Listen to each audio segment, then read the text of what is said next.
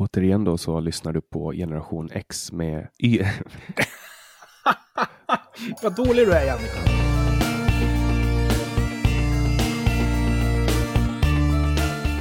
Återigen så lyssnar du på Generation YX med mig, Jannik Svensson och Anders Hesselbom. Du får gärna stödja det här projektet och hjälpa oss att täcka fasta kostnader. Det gör du enklast genom att gå in på patreon.com genyx eller genom att swisha på nummer 070-35 22472. Länkar och nummer och allt annat hittar du i beskrivningen eller på vår hemsida www.genyx.se. Vi släpper nya avsnitt alla fredagar året runt. Hej Anders! Du vet att vänner klipper bort när vänner säger fel. Så du tänker klippa bort att jag sa fel i början? Då? Nej. Hej Jannik förresten. Ja, hej. Um, jag åkte igenom tullen häromdagen. Ja. Jag tänkte börja med det eftersom uh, förra gången så pratade vi om att staten säljer pass åt oss. Ja, och det blev också titeln liksom på, på avsnittet. Så att jag åkte igenom tullen och mitt hat växer för varje gång jag kommer i kontakt med tullen. Har du haft mycket med tullen att göra eller? Nej, jag åker till Norge titt som tätt och det har hittills gått bra. De, de, har, någon gång ibland så har de liksom kollat igenom bilen lite ytligt, men inte mer än så. Det var väl när terrorismen härjade som värst. Okej, okay. ja, då ska jag berätta för dig hur det är att uh, bo på Åland och åka genom tullen. Du har alltså en finsk myndighet, tull, Tulli, uh, och det är dem vi ska ha att göra med. Och allting som du importerar till Åland så klassas som att det kommer från ett utom, alltså utomeuropeiskt land. Så du måste liksom importtulla precis allting som du beställer som är över 200 kronor eller någonting. Varför är det så? För att, eh, för att, för att vi har ett taxfree undantag som gör att eh, alla som tar i land på Åland får sälja taxfree. Mm. Alla färjor. Så att ehm, för, för, att få göra det så måste det här landet ha en egen skattezon.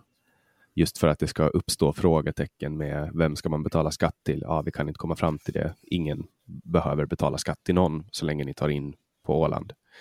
Ja. Um, så att jag körde igenom tullen i alla fall, hade hämtat grejer åt en kompis. Och så ska man ta den här myndigheten och det är så här finska statstjänstemän och deras hemsida, alltså jag har en kompis, eh, Hadnes Jonas, alltså Jonas Rosenberg, var in på och skulle för, det, för, tulla någonting som han hade beställt och så fick han upp på, eh, på sin, på så här, först kommer det en, en så startsida och så står det så här, en fråga, jag skurkflörta och alternativ, lämna listan. Det, det, är så här, vad, vad, är det ens? Och ett annat, annat så får han ett felmeddelande när han har gjort allting. Det är så här jättedåligt Google översatt. Så får han ett felmeddelande som säger detta är inte fallet i förevarande fall. Du kan åka till havet nu. Och det är så här, jaha, vad, vad menar de? Jag är för närvarande frånvarande. Men skurkflörta, vad betyder det tror du? Ingen aning. Jag har försökt, jag har försökt få reda på det, men det finns liksom ingenting. Så jag vet inte vad man gör Jag älskar ju, detta är inte fallet i förevarande fall. Du kan åka till havet. Det är ju det är nästan poesi. ja, jag tycker, jag, tycker att det, jag tycker att det här är som någon form av... Men det är så här, man, man kommer in till tullen. Du vet, jag kom in i tullkontoret och, och, det känns lite som att det är det de säger till mig. Så här. Ja, det här är inte fallet i förevarande fall. Du, du kan åka till havet nu. Så här. Det är, ett, det är ett finare sätt att på tulltjänstemän ska säga dra åt helvete. Din jävel. Annars så har jag ett intryck av att finskar är väldigt, eh, vad ska man säga, duktiga på svenska. Jag, jag vet att svenskan inte är speciellt populär i Finland, men de som kan är ju jätteduktiga. Mm, alltså vi har ju en svenskspråkig minoritet. Så ja. jag tillhör ju den, så att, och jag är ju inte så jättepopulär i Finland. nej, nej, men jag tror att det är ju lillebrorskomplexet, är det inte det? Ja, jag vet inte. Eller så är de, det faktum att alla finlandssvenskar är typ den enda ad, ad, adelska släkten och är extremt, eller inte ah. men vi har varit adliga, många finlandssvenskar, för att de kommer från Sverige då från början och för att finlandssvenska affärsmän har varit väldigt duktiga. Så det är lite som med judar ungefär. Ja, men Hallonen pratade väl svenska och det var väl, det var väl lite överklass när hon gjorde det, va? undrar om hon kan nog säkert hacka sig fram på finlandssvenska. Jag har ju jag har skakat hand med henne. Oh, I vilket sammanhang då? Hon var, hon var öppna lagtinget, vår, vårt parlament, eh, för ganska många år sedan. Och, då kommer hon, då kommer hon var, fjärde år då, så kommer presidenten, republikens president och öppnar. Och då, mm. då står jag utanför och väntar på henne och så frågar jag henne om jag fick skaka hand med henne och så sa hon att det gick bra. Så vi skakade hand. Jag titulerar henne till och med. Man, får ju till, man måste ju titulera när man träffar ett, en statschef. Ja, Ja, det är väl samma sak med kungen kan jag tro, men statsministern inte så mycket med det.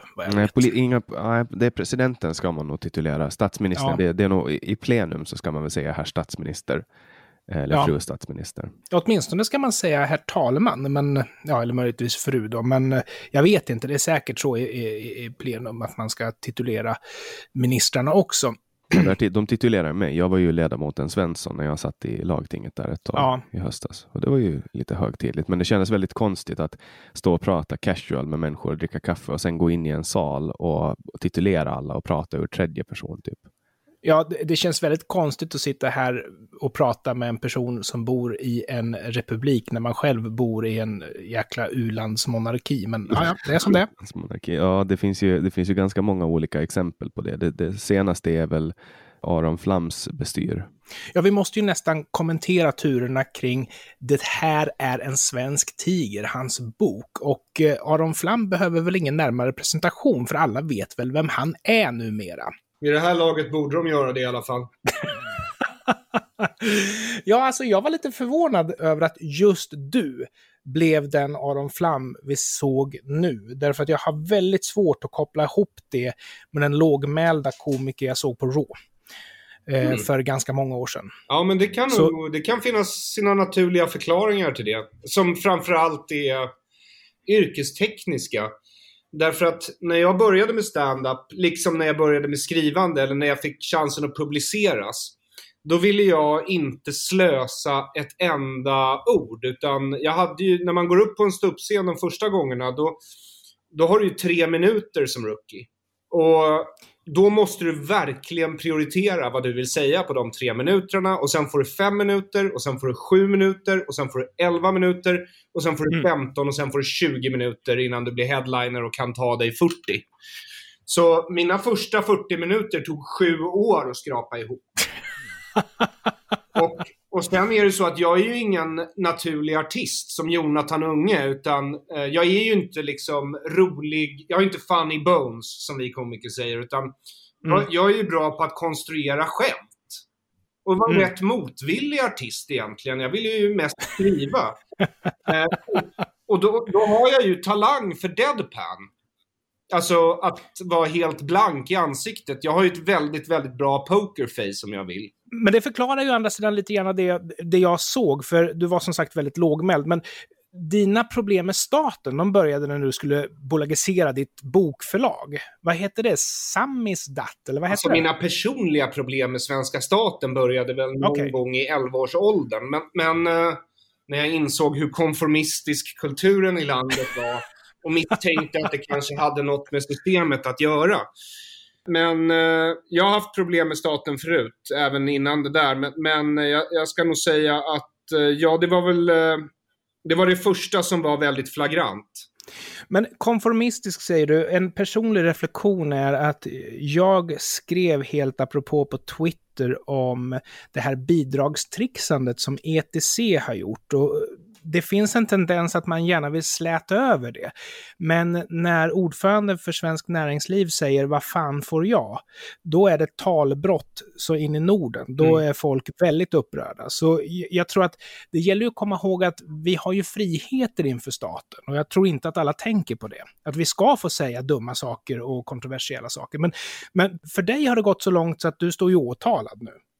Eh, så är det. Och när jag Vad? skulle registrera Samistat tillsammans med min partner, det här var väl i höstas, hösten 2019 tror jag, stämmer jag om jag har fel, men då blev vi kontaktade av Bolagsverket som sa att ingen av de tre namn vi hade valt, vilket alla var varianter på det sovjetiska uttrycket Samistat, som alltså egentligen betyder någonting i stil med jag skriver själv, jag trycker själv, jag distribuerar själv, vilket då indikerade att man arbetade utanför det offentligt godkända sovjetiska systemet i Sovjetunionen.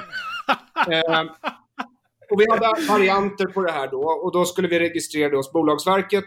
Och då kom det tillbaks efter ett tag ett papper där det stod att ja, men det här namnet anser vi kan väcka anstöt hos allmänheten och vi ber er därför ja, välja ett nytt namn. Och då frågade vi direkt så här, jaha, vem är det som ska ta anstöt av någonting som symboliserar frihet från sovjetiskt förtryck i Sverige?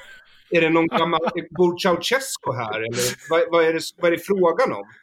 Och eh, sen så kopplade vi in den personen, den handläggarens chef. Därför att mm. det här laget är både jag och min partner rätt bra på byråkratisk budo eller, eller paragrafpugilism eller hur man nu vill se det. Och eh, ja, då fick vi ju rätt. Men, men det här är mitt liv liksom. Mm. Ja. Men åtalet nu handlar inte om det, eller? Nej, åtalet nu handlar ju om att jag är misstänkt för upphovsrättsbrott rörande omslaget på min bok Det här är en svensk tiger. Olaglig satir kan man säga. Ja. Men Beredskapsmuseet har väl en historik av att hugga, för de, de hugger ju på andra förutom du. Absolut, det har de tydligen väldigt. Varför äger de rättigheterna till tigern överhuvudtaget? Det är ju en väldigt konstig historia som... Alltså, de stämde ju försvaret. eh, och fick rätt. Eh, inte i tingsrätten, men, men i hovrätten fick de rätt.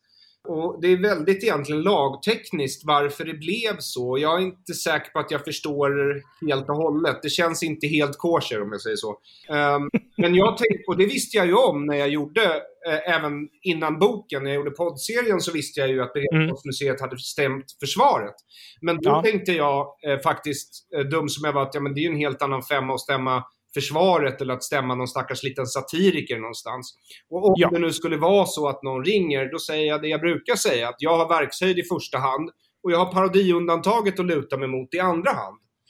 Ja, sen så har du väl staten i ryggen som står på den lilla människans sida. Rätten att parodera och rätten att få uttrycka sig fritt. Det måste ju du kunna lita på, liksom falla bakåt utan händer. Du, ja. du måste kunna lita på att staten har din rygg, va? Ja, nej, det har jag inte litat på under större delen av mitt vuxna liv. Så nej. Men du betalar skatt, eller? Eh, jag betalar skatt, ja. Ja, då borde du ju ha den tryggheten tillbaka kan man tycka. Men vad var det som hände under de här domstolsförhandlingarna då? Jo, men Anders, Sverige är inte ett rättighetsbaserat samhälle. Sverige är en kooperativ stat.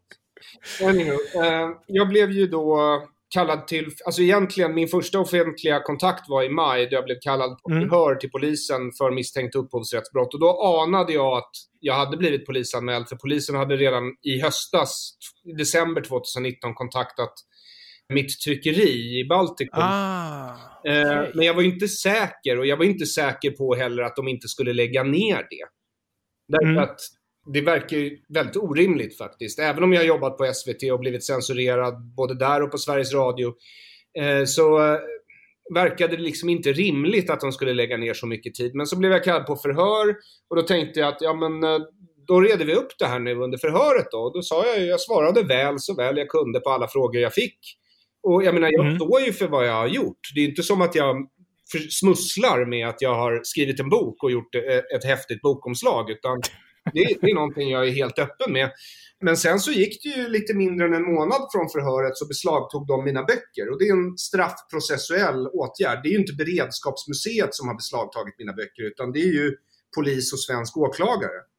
Apropå det du säger om censur så tror jag att man ska kolla efter en debatt där du var med i Publicistklubben. Ja, där det... pratar om de här grejerna. Ja.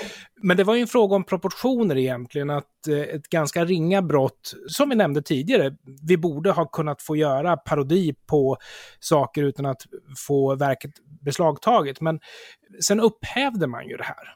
Ja, inte i första... Alltså vi... Eh, när då åklagare kommer in i bilden, då blir ju det här, från att ha varit beredskapsmuseet mot Aron Flam, då är det en civilrättslig fråga. Men när åklagare ja. och polis kommer in, då blir det straffrättsligt. Och då, är, och då är det ibland så att det civilrättsliga kan liksom haka på åklagaren så att eh, åklagaren blir det lok som drar det civilrättsliga och då blir det plötsligt både straff och civilrättsligt. Eh, mm. Så då var jag tvungen att byta advokat eh, därför att det hade förändrats målet då, och då överklagade min nya advokat beslaget av böckerna.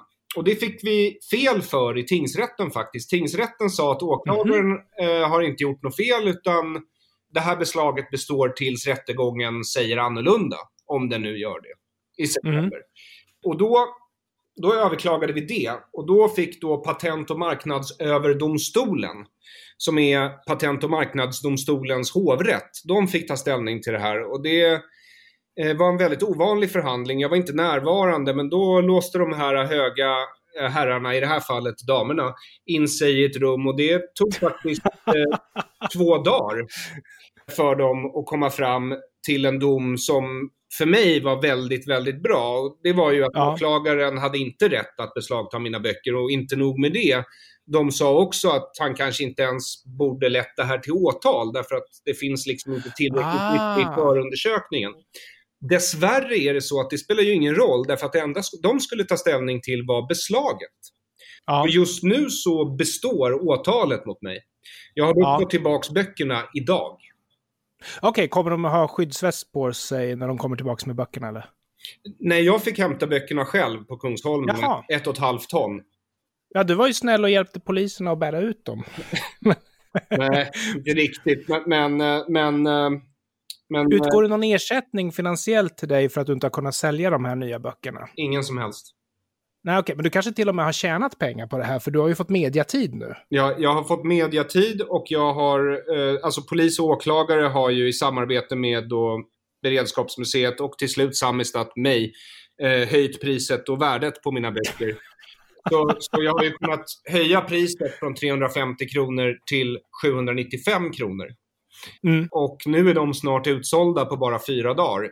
Så ja. polis och åklagare har ju i det här fallet tagit en bok som i och för sig sålde bra. Den hade ju sålt ut två upplagor på mindre än ett år och gjort den till ett konceptuellt konstverk, vilket den nu är. Så nu har jag liksom numrerat och signerat ja. hela den här upplagan som en litografi.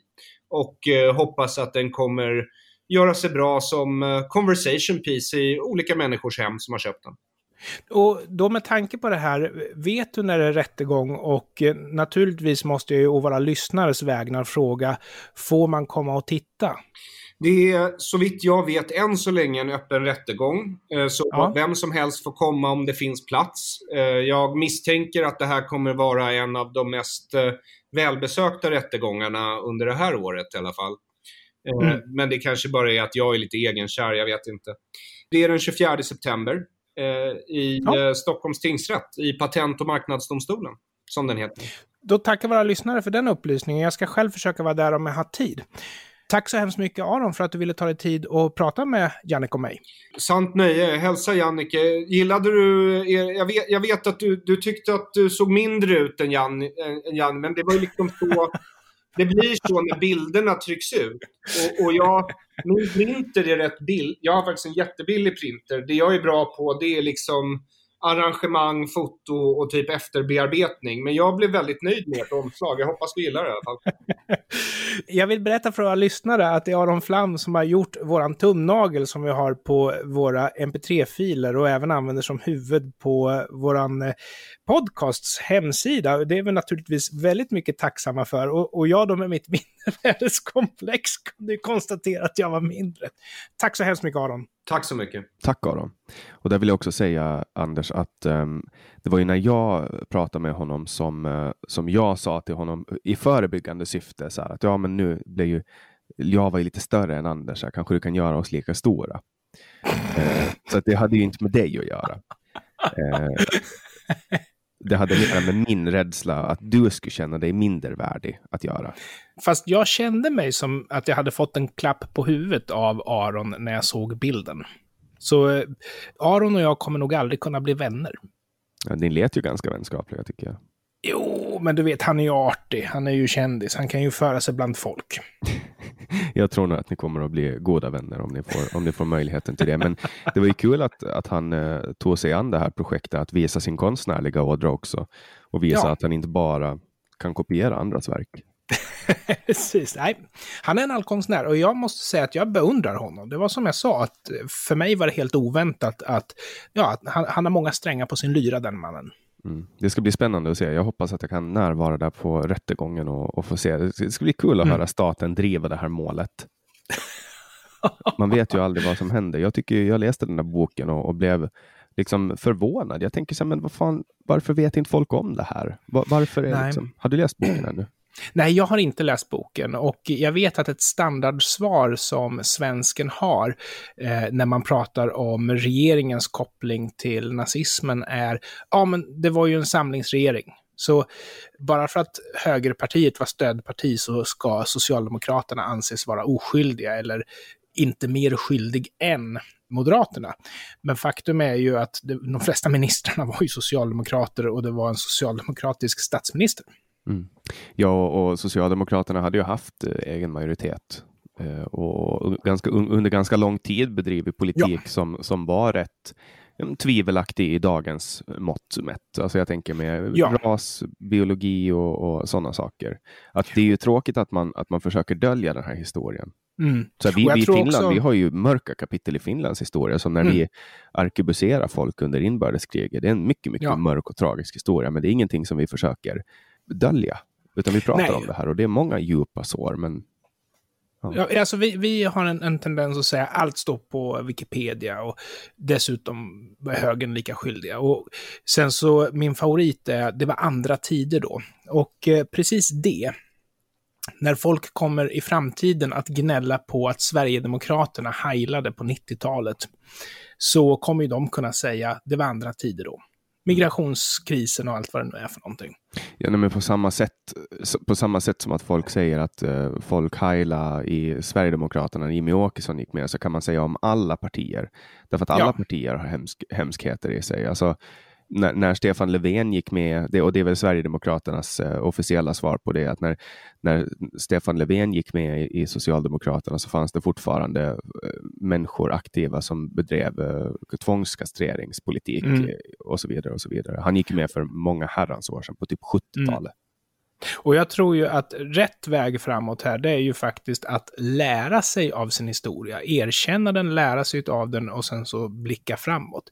Rätt sätt är inte att försöka förminska sin egen illgärning och sen lyfta fokus till meningsmotståndaren. Ja, eller, eller säga hur sätt. god man är nu. Så här, nu driver vi en jättegenerös flyktingpolitik och så kompenserar vi. Det är ju många som säger att, mm. att den generösa flyktingpolitiken kommer som en konsekvens av uh, att man känner skuld inför att man till exempel skickar hem judar vid gränsen. Mm. Men jag tror inte att eh, flyktingpolitik och rasism går att koppla ihop utan vidare. Många av dem som vill ha en mer rättssäker och sansad flyktingpolitik är antirasister. Till och med på vänstersidan kan det vara så. Och dessutom så finns det personer som inte har ett smack emot att det kommer hit folk, men som ändå ser ner på folk som inte ser likadana ut som de själva. Så jag, jag tror inte att det går att göra en ett till ett koppling där. Ja, men alltså jag tänker ju att, att rasismen växer allt eftersom flera invandrare kommer till Sverige. Nej! Det blir en större, det blir en större alltså, vad ska man säga, kontakt, det blir en mer kontaktyta för människor och på det sättet så kan de här enkla fördomarna slå rot. Typ som att ja, men invandrare jobbar inte. Eh, eh, nej, nej, nej. Eh, jag tror helt klart tvärtom. Jag tror att exponering, det är lite grann som kognitiv beteendeterapi. När man ser mörkhyade människor och man själv är ljushyad så vänjer man sig att se mörkhyade människor om man själv är ljushyad. De förutfattade meningar som vi ser, de fanns ju långt innan Sverige hade invandrare och de kanske blossar upp i, i viss mån nu. Men för många människor så försvinner ju rasismen. Skulle man göra en enkät på hur man ser på mörkhyade människor på 30-talet i Sverige så tror jag att många skulle vara mer skeptiska. Jag menar, Aftonbladet hyllade ju den slutgiltiga lösningen. Aftonbladet, de kallade ja, nu kommer jag tyvärr inte ihåg vad Louis Armstrong eller vem det var, för en eh, musicerande apa och sådär, bara för att han var mörkhyad. Så jag tror att tvärtom, så tror jag att vi vänjer oss med att se folk som inte ser ut som oss själva. På det sättet ja, men jag tänker det finns just nu under hela den här BLM-sommaren så har det ju varit mycket, folk säger att ja, men vi har problem med strukturell rasism, rasismen växer, det blir ett större problem. Uh, och jag, jag tänker att det hjälper ju inte så jättemycket. Alltså, jag menar att en av de stora fördomarna mot invandrare, det är ju antingen så här, ja, de kommer hit och tar våra jobb, eller ja, de kommer mm. hit och lyfter bidrag. Och ja. jag tror inte att det hjälper att man tar in, alltså, det hjälper inte mot fördomarna att man tar Nej. in väldigt mycket invandrare när man vet att efter väldigt många år så har fortfarande inte hälften av de här fått jobb. För att det tar väldigt länge att ta sig in i ett nytt land och komma in på arbetsmarknaden.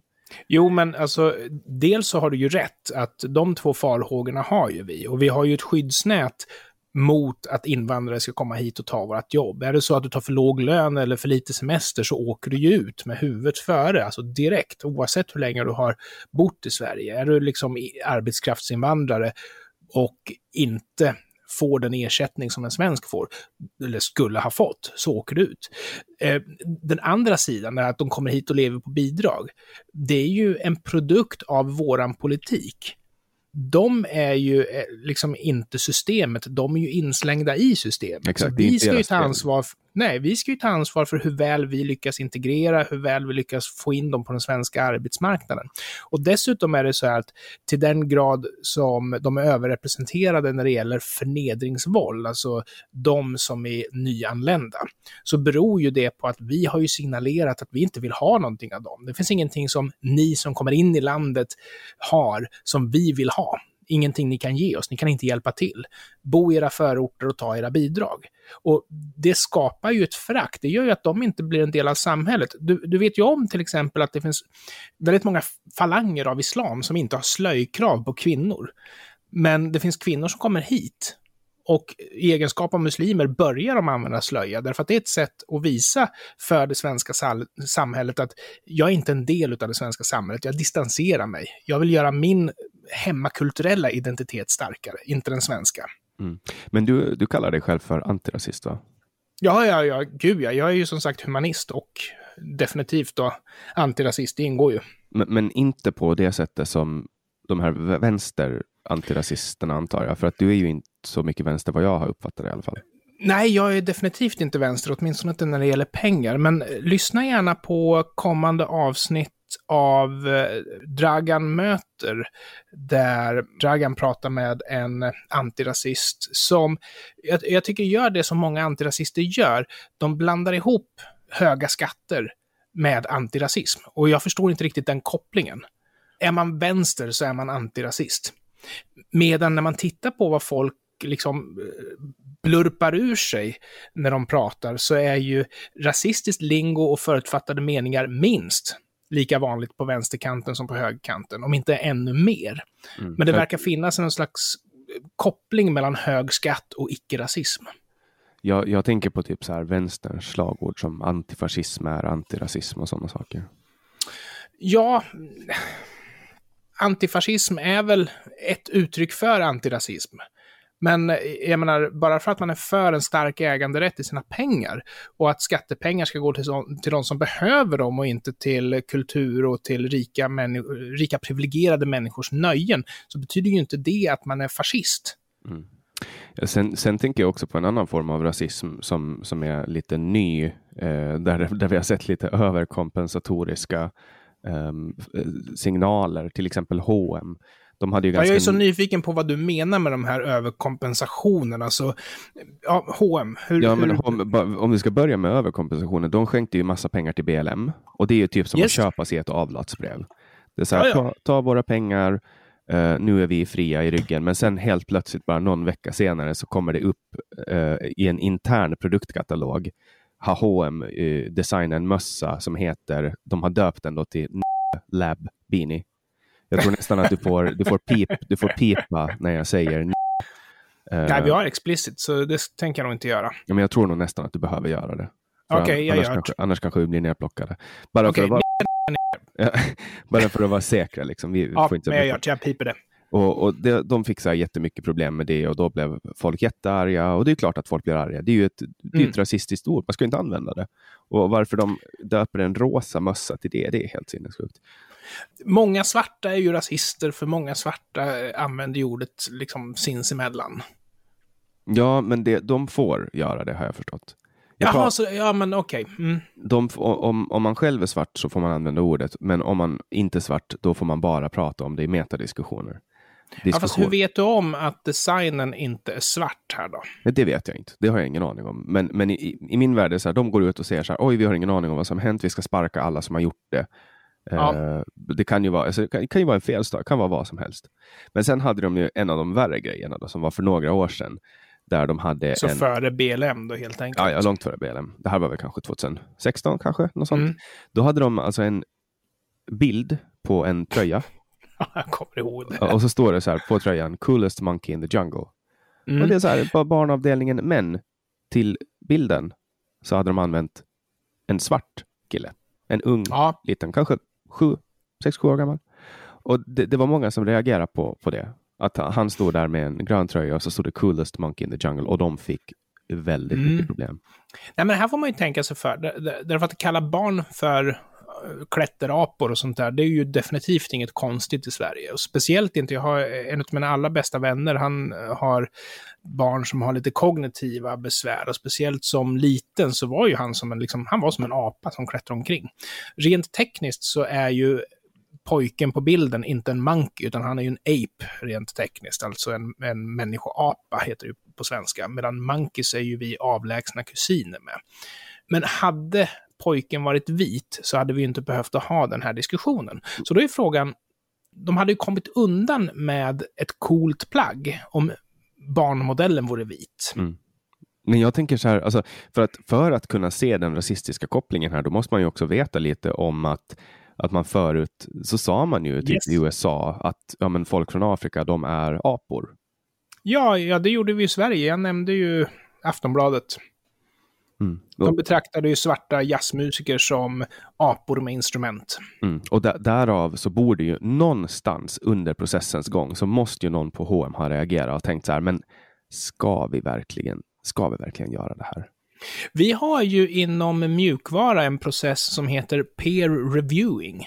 Det betyder att vi publicerar ingenting förrän en med liknande kompetens som den som har producerat materialet också har granskat materialet. Och ofta är det faktiskt inte bara en heller. Så peer reviewing är en, en metod som vi använder oss av. Och jag trodde om jag ska vara helt ärlig, att korrekturläsning och, och någon form av granskning på innehållet var praxis, men jag har väl fel. Men här tänker jag, det är så många som har varit inkopplade. Det har varit antagligen en AD inkopplad, det har varit en fotograf inkopplad, det var en producent inkopplad, det har varit en redaktör, en webbredaktör mm. eh, som har liksom tagit det här hela vägen upp till H&M's hemsida. Ja, just det. Och ingen det har reagerat på att, för att ha, kan man lite mm. av sin historia eller har man liksom bara på något ja. sätt eh, konsumerat någon form av text eller bild, nej men, text eller, eller ljud från gamla tider så vet man om de här fördomarna som sades. En naturvetenskaplig produkt är ju på något sätt inte tillgänglig för lekmän att granska, så där måste man ju aktivt peer-reviewa. Men här är det ju som du säger att den här bilden är ju tillgänglig för alla i den kedja, den produktionskedja som den här katalogen ändå tar. Så någon borde ha reagerat kan man ju tycka. Ja, och om vi, tar, om vi tar bort pojken ur bilden och bara går till tröjan och tänker mm. så, vadå, vad, vad är det för jävla text? Coolest monkey in the jungle, vad är det för jävla text att ha Ja, det är lite långsökt, det, det håller jag med ja, om. Men från första början, så här, varför, varför coolest monkey, varför, varför inte the coolest fish in the sea eller något annat? Varför just coolest monkey in the jungle? Du menar att det är för nära sanningen för att det ska vara helt bekvämt? För om det är så att du inte har en svart pojke så har du ju precis tagit bort den här relationen till att vi kallade svarta människor för apor för. Jag menar bara att tröjan, det är ett jävligt dåligt tryck. De kan väl bara hitta på någonting som de brukar göra på de här trycken. Typ... Coolest shark in the sea. Ja, eller typ, men... Eh, de, de brukar ju bara skriva någonting random på en tröja. Ja, men då hade det varit en, en fisk liksom i havet. Då är det ju så att vi är så oerhört, oerhört avlägsna släktingar med fiskarna, så då är det okej. Okay. Det är liksom ganska ofarligt att kalla en människa för en fisk. Men jag menar bara ur ett kläddesignerperspektiv så är det ett jävligt mm. dåligt tryck. Dålig men då kan Jannike, skulle vi kunna kalla pojken för en grönsak? En grönsak är ju ännu längre Absolut inte, för att där är ju också så här. Uh, lamest vegetable in the field. Alltså, det skulle inte heller funka. För att om man, känner, om man kan sina fördomar. Men samtidigt, ja. Anders, vem är ja. rasisten? Den som gör kopplingen. För att personen som har gjort det hade ju knappast uppsåt. Nej, men det, det, var ju lite grann det som jag var inne på. Att eh, för mig så var inte det här jättekonstigt. Men däremot så håller jag ju odelat med dig om att i och med att vi har den historia av synen på svarta som vi har, så det är ju därför det är olämpligt. Men jag menar, mina barn var ju, kallar jag för klätterapor när de var små. Men de hade samma hudfärg som mig, eller har. ja, det kanske ska vara lite, man kanske ska fundera lite om det var annat än så. Om din fru är vit och du är vit och ni får ett svart mm. barn. Då skulle man fundera. Då skulle man ju kanske fundera en extra vända om du skulle gå runt och bara, ah, här är mitt genetiska barn. jag tycker det är fantastiskt att min äldsta är väldigt lik min gamla brevbärare. Det tycker jag är enormt Är det sant? jag hoppas du har pratat med din fru om det här, att hon inte hör dig i din podd första gången. Jag skojar naturligtvis. Jag förstår det. Men däremot så lånade jag ut henne till en kompis och då kom det fram en gammal tant och tittade ner i vagnen och sen så tittade hon på min kompis och sa hon, ja, pappas ögon. Varpå min kompis säger, jaha, känner du Anders? ja, men det där är också så här, folk som tittar på eh, nya bebisar och bara, åh, den liknar så jättemycket. Så här, man ser inte, alla bebisar ser likadana ut. De är små, rosa och skriker och har helt skrympliga ansikten. Liksom. Men, eh, oh, jag är så glad att de är stora. jag läste en, en sak på Twitter. Jag har, mm. jag har en, en, en person som jag älskar på Twitter. Han heter Axelika. Jag vet inte hur han uttalar det, men det är A, A-X-L-J-K-A. Han gör extremt roliga översättningar på, på låtar. Man kan skicka låt, lå, låtar till honom och så översätter han dem till svenska. Uh, och han gjorde en översättning på Bootylicious som är så rolig så att jag skrattar. Jag viker mig dubbel när jag läser den. Jag backar lite grann för det här är utanför mina referensramar så jag lyssnar och uh, lär. Det låter bra. Så han har i alla fall då tagit en bild och det här var i januari 2018 så fick han en plastpåse när han var och handlade det står Plastic waste causes great damage on our planet. This bag has already started to degrade and will be gone in 12 to 24 months after it first touched air. 100% biodegradable. Och så skriver han, ni kanske undrar hur det går för Axels plastpåse. Ja, så här en månad in i projektet märker jag ingen som helst nedbrytning. Det ser ut som förr. Den luktar som förr. Se hashtaggen för vidare information om projektet. Och nu börjar det närma sig då två år. Mm. Så i januari så lär vi veta om Axels plastpåse finns kvar eller inte. Men, Men du, eh, vilka vilka förutsättningar behövde plastpåsen för att förmultna? Skulle du ta en tomat in i en helt steril värld där det inte finns sporer eller någonting i luften så skulle den få ökad livs livslängd. Mm. Och det menar jag också att skulle ADn eller whatever copywriter som skrev det här har skrivit, ska vi säga, after it first touched ground istället för after it first touched air. Då skulle det vara, ja. då kanske de ska komma undan med det. För att mm. den, den bryts ju inte ner i luften. Den måste ju vara under optimala förutsättningar. Så här kan ju de faktiskt bli stämda på hur mycket som helst om det skulle vara USA i alla fall. Uh, läggs alltså, den här på, på marken så tror jag nog att den skulle brytas ner snabbare än i luften. Ja, men det är ju lite vågat att säga touched air då, men i luften finns sporer, men det gäller ju att sporerna ska kunna leva på plastpåsen och leva av plastpåsen när de växer liksom. Och mm. kan de inte det, då räcker ju inte touched air, utan då måste det ju vara komposterad, skulle man kunna säga. Mm. Men det var ett roligt projekt. Vad tror du att konsekvenserna kan bli då? För att om, om, om han anmäler de här efter två år då, eh, anmäler ja. dem till, vad blir det, konsumentombudsmannen kanske? Vad tror du att konsekvenserna ja. blir? Det är ju ganska många sådana här, det är ju lögnaktiga budskap, mm. om det är så att den inte är borta. Jo, men du har ingen krav på saklighet i reklam i Sverige. Men det här är ju en påse, man måste ju sälja påsar i Sverige.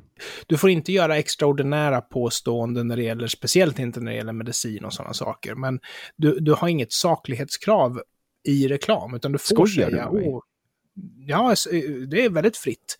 Alltså, reklam så, de, så det är helt fritt att säga att ja, men den här plastpåsen kommer att vara, ha försvunnit mellan 12 och 24 månader efter att den första gången har rört vid luft?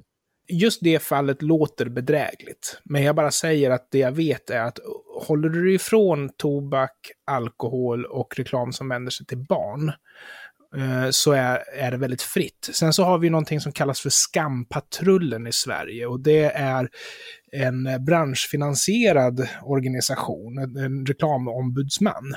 Och de kommer ju ha åsikter om det är så att kvinnor är snygga i reklamen. Apropå Hennes och Maurits så var ju, eh, de får inte ha underklädesreklam i tunnelbanan längre och sådär. Det är ju nya tider nu, vet du.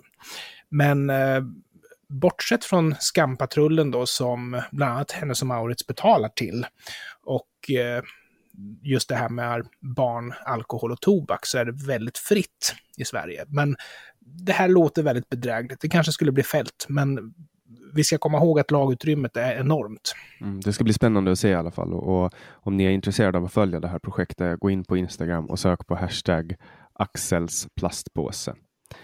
Jag kan ju lika gärna följa honom då, för jag, jag vet inte om jag följer honom faktiskt, men snabel AXLJKA på Twitter. Ja, han Så, är rolig. Han är, Ja, om jag inte följer honom så ska jag väl börja göra det, ja. Han är mycket, mycket rolig. Alltså, jag rekommenderar hans låttexter när han översätter dem. Jag har bett honom översätta lite texter och jag skrattar. Jag visar mig dubbel när han översätter dem. Han har, man kan säga, en, en egen liten tolkning av dem. Ja, men vad kul. Ja. Mm. Sen funderar jag på en annan sak. Kommer du ihåg, kommer du ihåg för några år sedan när Lars Ohly skulle lägga upp en bild på sin tatuering Mm. på Instagram? ja, jag kommer ihåg det, men jag såg ju aldrig bilden. Nej, men då kan du kolla i vårt gemensamma dokument nu. Då Mm, får du jag, faktiskt... jag sitter och tittar på den just nu. Ja, vad är det du sitter och tittar på, Anders? Eh, ja, alltså han är väl en av våra medlemmar i Humanisterna dessutom. Men just nu så ser jag väl en sida som solen kanske mer sällan lyser på. Men jag vet inte, i hans fall kanske är rätt ofta trots Ja, I det här allt. fallet så lyser den ju på Lars Ohlys kuk helt enkelt. Han laddade upp en bild eh, på sin tatuering och så ser man hans, hans kuk på bilden. Jag vad undrar vad det är för vad säger, Tourettes som ligger bakom det där. Att man laddar upp en bild så där snabbt eller? Nej, att man eh, tar en bild där det, ens finns risk att eh, de privata delarna syns och sladdar man upp den. Det måste ju vara, det måste ju ha gått via hans egen moderering innan det. Ja, det, bilden är ju också extremt dåligt tagen. Ja, Han har liksom vikt upp, han ligger på rygg och så har han vikt upp benet. Och så Ja. ser man liksom toppen av hans, av hans kuk som sticker fram. ja, Och då, är Ja. han, då var han, på den här tiden, då var ju han partiledare i, i Vänsterpartiet. ja. Men han följer, Ja. väl, han följer väl sitt eget, um, vad ska man säga, sin egen devis om att han ska dela med sig. Fast Vänsterpartiet är ju lite grann tvärtom. De enda eh, förslagen på att kriminalisera pornografi som jag känner till i Sverige har ju kommit från antingen Feministiskt initiativ eller Vänsterpartiet. Så... Vem var det som blev eh, förbjuden? Jo, men du. Någon i Vänsterpartiet, nu pratar jag fritt ifrån huvudet så jag ber om ursäkt till alla våra lyssnare, men någon ifrån Vänsterpartiet blev ju portad från alla konvent på grund av att man, in- kvinnor inte kunde ha trygga rum när personen i fråga var närvarande. Men jag ska inte gå in på det där eftersom jag inte vet vem det var, men jag kommer ihåg att det var en, Det var Lars en Ohly. sån grej. Ja, men där har vi det. Då, då är det ju någon form av Tourettes han lider av. Att han... Han, åkte ju, Ja. han rök ju hårt då under metoo-hösten. Ja, ja, ja. ja men det var så. de, sen bytte de ju till Jonas. Men, men alltså det här tänker jag på med, med att förbjuda porr. Eh, Mm. Folk som pratar om det. det alltså det, det är så här, de har ingen teknisk kunskap överhuvudtaget. De tror att man kan installera ett filter som bara tar bort all porr. Vad tror de att vi lever i för värld? Det där är ju två olika frågor, för du har ju dels de som vill kriminalisera produktionen och spridningen av porr. Och så har du dels de som är lite mera liberala och säger ja men porr ska få finnas, men på skolor och så vidare, ska det, kommunala arbetsplatser och så där ska det finnas porrfilter. Så jag vill bara säga att det är två olika saker. Men om vi nu riktar fokus till de som vill ha porrfilter, ja visst, absolut. Lägg ut texten, Jannik. Det är ju helt omöjligt att, att filtrera bort porr. Därför att det, den kan inte veta. Det går, man kan inte veta. Eh, vad, alltså en dator kan inte veta vad som är porr och vad som inte är porr. Det är helt omöjligt. Ja, jag skulle säga det att framtiden med AI ser ju ljus ut. En, en AI kommer kunna veta saker som vi inte vet. Men det betyder ju fortfarande att vi kommer kunna veta saker som en AI inte vet. Därför att vi är mycket duktigare på att skilja ur kontext. Ja, och vi är Och det som människor. är porr... Vad sa du? Och vi är människor. Ja, vi människor framför allt. Men det som är porr i ett kontext är ju inte det i ett annat kontext. Och det som är konst i ett eh, kontext är ju porr i ett annat kontext. Och det som är för, eh, förärgelseväckande beteende på grund av att man visar för mycket hud i ett kontext är inte det i ett annat kontext. Nej, och det som, är, det som är en eh, produktbild på galonbyxor är för galonmannen porr, till exempel. ja, Vet vem men det betyder inte... Ja, ja, ja, visst. Han bor ju här på. Åland. Visst är det? Din poäng är väl att galonbyxor för den sakens skull inte är porr? Nej, jag visste faktiskt inte det. Känner honom eller? Nej, men han brukar, han brukar besöka en bensinmack som finns här på Åland lite nu och då. Så galonmannen tankar den jäveln. Ja, det är klart han tankar. Var, varför ska han inte tanka? Ja, jag bara tänker att hans mest utmärkande drag är att han besöker en bensinmax. Ja, ja. Men det är väl där folk kommer i kontakt med honom. Det var, jag pratade med någon som pratar faktiskt om galonmannen. Alltså det här är då en norsk man som flyttat till Åland och sen insåg att han, han, att han han blev helt enkelt kåt av galonbyxor och sånt. Så han går runt i galonbyxor och han var med i tv och pratade om det här. Måste det ha varit 100 höjder eller något sånt där? Eller? Ja, någonting liknande. Det kanske var lite mer seriöst än 100 höjder. Men uh, han pratade ja. om den här liksom, fetischen och han vill alltså ha på sig galonkläder och så hoppar han ner i något träsk och så hoppar han upp och ner i det och glider runt i det här träsket och han älskar det. Och det var någon som sa så här att ja, men han, jag trodde det var en fiskare som gick runt på stan. Liksom. Sen såg jag det på tv, att galonmannen, han finns på riktigt. Ja, ah, jösses. Nej, Men... 100 höjdare ska jag inte prata skit om, för det var faktiskt ett av de programmen som Filip och Fredrik gjorde som var riktigt bra. Alla som var med där var ju liksom inte kufar, utan det var ju personer som var intressanta för allmänheten på något sätt. Och i ofta så betyder det kuf. Mm. Men det var ett bra program. Och det här var ju också innan, eh, innan de blev väldigt, väldigt PK. Det fanns ju faktiskt en tid där de gick runt och gjorde tv av att de antastade folk. Det fanns en tid då Henrik Schyffert var rolig, om man säger så. Ja, ja men jag, jag, jag, tycker inte att det är så kul när, när Filip Hammar går och tar, eller om det är Fredrik Wikingsson som tar en snubbe på kuken. Han går typ runt nej. i Sturegallerian och tafsar på folk och så säger han oj skön kuk och sådana saker. Det var ju... Nej, nej det, det, är definitivt inte min humor heller, men på något sätt så blir man ju lite glad över att eh, de som tycker att det är sin humor kan få en ventilation liksom för det. Mm. Därför att du som blir exponerad för det här, du som blir klämd på kuken, du kommer naturligtvis att bli kränkt, självklart. Men toleransen för att man faktiskt kränker andra människor har ju sänkts en aning. Och det är kanske bra att den har sänkts en aning, men det kan ju också vara så att den har sänkts en aning för mycket. Mm. Jag menar, humor som inte berör är ju generellt sett tråkig humor. Men att jag är ju väldigt svag för chockhumor. Och, alltså just det här att någon klämmer någon annan på snoppen är väl inte ja, det är lite för billigt. Ja, men, men tänk, tänk, så här, tänk hur, kul skulle det vara så här om, om de idag skulle göra, eller hur okej okay skulle det vara om, om någon idag skulle göra ett program så här, ja men ta fem tjejer på brösten. Så går de runt ja. inne på NK och tar folk på brösten. Det skulle ju vara, det skulle alltså, det skulle bli fängelse. Nej, jag, säger, jag försvarar det inte. Jag bara säger att eh, jag förstår fenomenet chockhumor eftersom jag själv är väldigt svag för det. Men tänk på, alla som har blivit, man... tänk på alla som har blivit deplattformerade ja. eh, i nutid för saker de har gjort i dåtid. Varför är det ingen som deplattformerar Filip och Fredrik för det de har Nej, gjort? Men de är ju vänster. De är ju väldigt vänster. I, i Sverige så är det ju så att eh, vi har ju de största mediebolagen är ju statliga och eh, man belönas ju för lojalitet mot makten. Är det så att någon har gjort ett uttalande, kändis eller något sånt där, som antingen är för vänstern eller mot högern, då belönas man ju med en egen tv-serie, ett eget radioprogram eller vad det nu kan vara för någonting. Det, det är så det funkar. Så du tror att, de tror skulle, att... om de uh, idag då skulle komma ut som sverigedemokrater så skulle man använda typ den här Aftonbladet-rubriken, uh, antastade folk på offentlig plats? Nej, skulle de komma ut som sverigedemokrater så skulle det räcka vecka för att de skulle åka ut ändå. Men om, om man säger att de vore uttalade höger och gjorde någonting olämpligt så skulle ju det vara liksom anledningen som producenterna har väntat på för att slänga ut dem. Mm. Jag tänker att vi hoppar tillbaks lite. Vi har pratat om porr och Lars Ohlys kuk. Jag vet inte om de är detsamma, men porrfilter. Eh, det finns ju i övrigt en kategori av porr som är mycket, mycket oförklarlig. Den, är svårförklarad. Det är nämligen fenomenet skogsporr. Alltså, det är svårförklarligt. Det var ju så porr var. Ja, men varför finns det porr ute i skogen, porrtidningar? Hur kommer det sig? Alltså min, min kusins ja. kille hittade mm. skogsporr för inte alls så länge sedan. Oj, finns det fortfarande? Ja.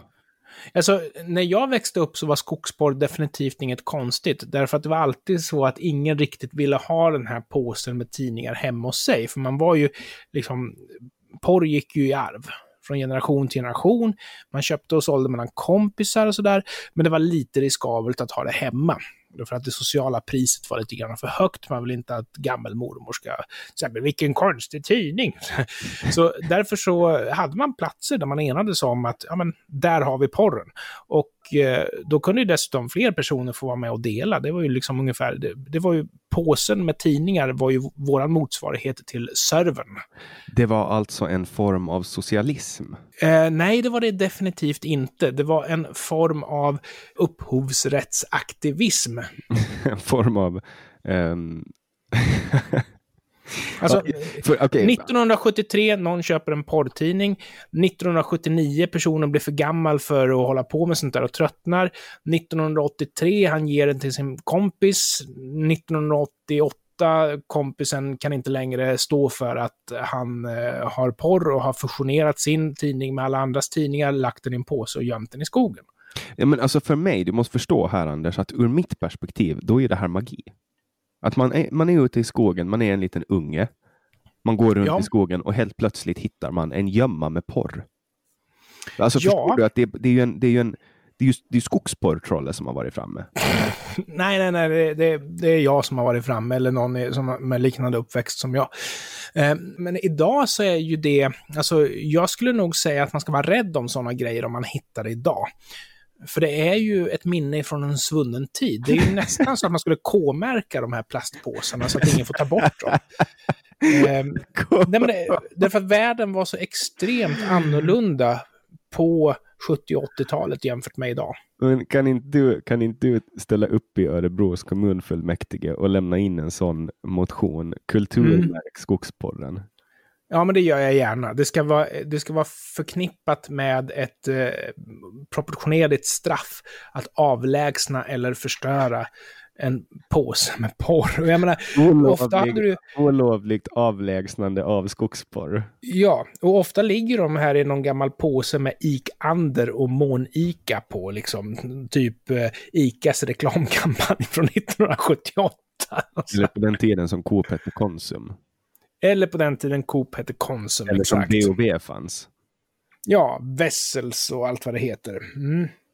Det var tidigare, EPA fanns ju.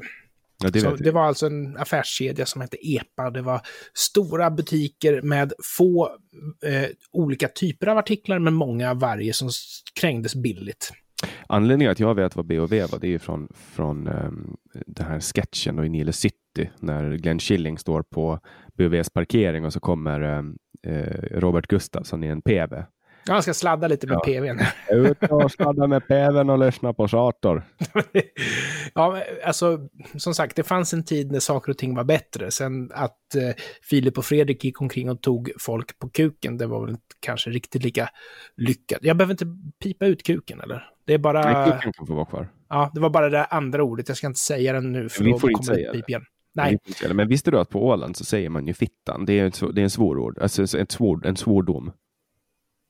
Ja. Man säger fittigt hela tiden till allting och uh, man säger fittan. Om någon är arg då är de fittiga. Den är fittig, jag är fittig på honom. Det är, det är helt, det är helt uh, vanligt och normalt att använda det. Men det har du inte fått göra i Sverige sedan åtminstone 85. Nej, men på Åland så är det ju kultur. Ah, det är klart, det kanske har gått så pass lång tid så att det har blivit, vad ska man säga, kult nästan.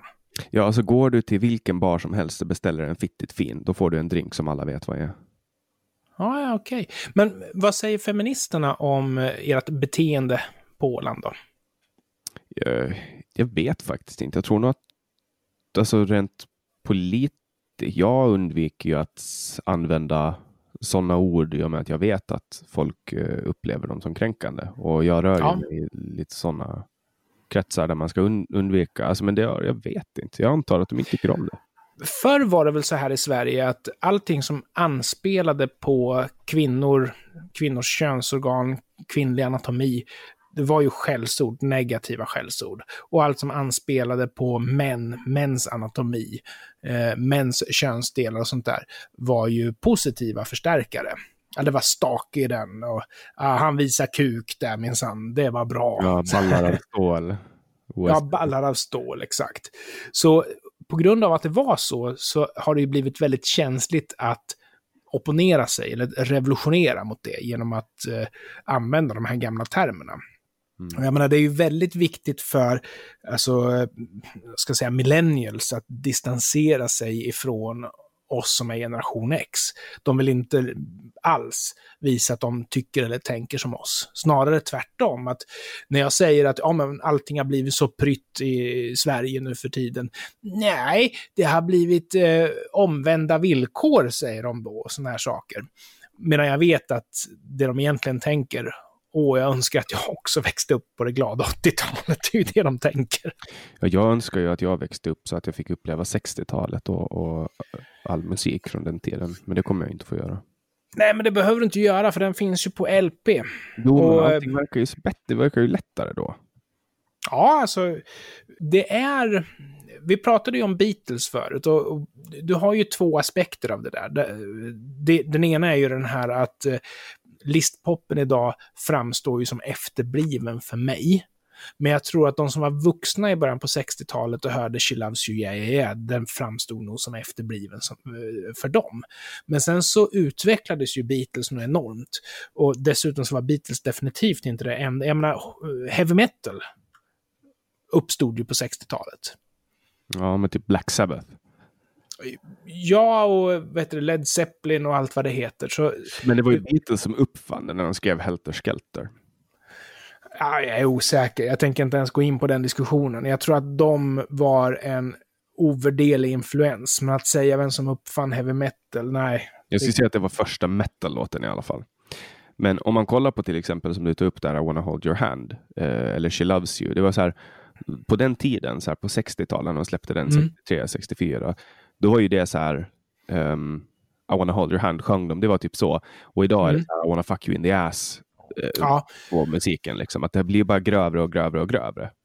Men jag tror framförallt så var det ju det, visst, de var kritiserade för att det var provokativt, men eh, framförallt så var det ju det att melodierna var eh, triviala, tror jag. Att man, man tyckte man jämför, man hade ju liksom inte så mycket annat än klassisk musik och jazz och sånt där att jämföra med, och då framstod ju Beatles som triviala. Folk klagade ju på deras hår, det var ju håret ja. det var fel på. Ja, håret var också, ska jag säga. Men idag, vad heter den skivan? Den heter nog Introducing the Beatles, som uh, I wanna hold your hand ligger på. Det är ju en skiva som jag kan sätta på och With njuta av. Vad sa du? With the Beatles. Ah, Okej, okay, tack så mycket. Jag kan sätta på den och njuta av hur jäkla skickliga de ändå var, trots att de var pojkspolingar när de spelade in det där. Men man förstår idag att de skulle gå långt. Mm. Men jag Men tror, ju, i det kontextet så... Då ska man ju tänka på att det var ju Brian Epstein som satt på dem, de här kostymerna. Och, och ja. liksom, för tidigare hade de stått på svettiga klubbar i Hamburg, eh, knarka amfetamin, rökt cannabis eh, och cigaretter och druckit alkohol och svena runt i, i läderkläder. Liksom. Du menar att de inte rakade hakan och tog studentexamen när de skulle gå upp på scen, eller? Nej, men alltså de levde ju som grisar i Hamburg. Men det gjorde ju alla ända fram till mitten på 80-talet. Rock'n'roll var liksom sex and drugs ända in på ja, nästan senare halvan av 80-talet. Sen så började alla tänka att nej, nej, nej, nu ska vi antingen eh, få en överdos eller dö aids. Och sen blev alla liksom rakade på hakan och rakryggade och sådär. Alla förutom och, Lemmy. Ja, men han dog ju. Ja, men det var ju ny. Jag... Det finns ju till och med en bild när han, när han går ombord på Viking Grace. Alltså, eh, och, ja, just det. Han höll bra länge trots sin livsstil. Alltså. Ja, visst. Ja, visst. Men det är med ja. Keith Richard till exempel. Ja, men han är väl ren levnadsmänniska, är han inte det? Ja. ja men anledningen, till att han, anledningen till att han lever idag, anledningen till att Roger Waters i Pink Floyd lever idag, anledningen till att Mick Jagger lever idag, beror ju på att de är liksom absolutister idag. Men eh, ända in på, alltså, säg mitten av 80-talet så var ju rockbranschen var ju jäkligt tuff alltså. Ja, det var väl den här ständiga kukmätartävlingen om att man ska vara värre än de andra. Ja, framförallt så tror jag också att det är en kamp mot tristessen. Det gäller att få tiden att gå. Vad köper man till en person som har allt? Vad ska man göra för att få tiden att gå när man redan har gjort allt? Ja, köra en Harley genom fönstret på ett hotell. Ja, de kastar väl åtminstone ut tv-apparaterna, antar jag. Fast det gör vi ju i Finland varje gång Finland förlorar mot Sverige i hockey-VM. Fast det är inte riktigt lika coolt när det är en platt-tv. Nej, det är sant. Det var de här gamla med. Då är man en, då är man en lamer om man kastar ut en platt-tv genom fönstret. Lamer, ja, det, det, är inte samma sak. Man behöver ha, man behöver ha en, en tjock-tv för att hämta en till eh, VM. Alltså ja. folk-VM. Men så vad... man kan ju titta på sin platt-tv så kan man ha tjock-tv stå vid fönstret. och så har man det färdigt på en ramp som man bara knuffar ut den. så, så även gamla farbröder kan få njuta av nöjet att kasta ut en tv genom fönstret. Mm. Vad tror du Anders, är vi klara för idag? Ja, jag tror att vi är klara idag. Det finns mycket mer som jag vill diskutera med dig. Och det känns som att hela det här samtalet har varit en uppvärmning. Mm. Det blir ju så när så, man börjar köra en timme. Ja, så därför så tycker jag att om vi får skruva upp, vi, vi undviker ordet, ja, som jag inte tänker säga för då måste jag lägga in ett pip till och det orkar jag bara inte göra. Vi undviker det ordet, men så skruvar vi upp Eh, nivån lite grann till nästa avsnitt. Mm, det tycker jag. Vi kan ju se i alla fall. Jag tycker att det kan vara skönt att hoppa bort från det här serious face som jag har alltid, bär alltid. Ja, just det. Den, mm. den här podcasten är ditt alibi för att bete dig som ett svin. Exakt. Det är satir. Mm. Vi, vi, kallar det för satir och då får jag säga vad jag vill helt enkelt. Exakt, men, bra sagt. Men du kan ju få välja ämne till nästa gång, eh, för nu valde ju jag alla ämnen den här gången. Ja, men jag, jag, känner mig trygg att du leder. Men jag kan ju ge förslag på åt vilket håll vi ska gå. Det gör jag gärna. Men jag, jag är trygg i att kunna luta mig mot dig. Mm. Jag har alltid lutat mig mot andra när jag har poddat. Mm. Och ni som lyssnar får gärna berätta vad ni tycker om att vi pratar om ganska, ja, det var, en, det var inte superhög nivå på det vi pratade om idag, men får väl ses som lite mer underhållning än någonting annat. Och eh, Du som har lyssnat på det här har lyssnat på Generation YX med mig, Jannik Svensson och Anders Hesselbom. Du får jättegärna stödja det här projektet och det kan du göra på patreon.com genyx eller swisha 070 3522 472. Du hittar länkar och nummer i beskrivningen eller på vår hemsida www.genyx.se. Du får också väldigt gärna gå med i vår Facebookgrupp, Generation YX-gruppen och länk till den hittar du också på vår hemsida. Tack för idag, Anders. Hej då. Hej då.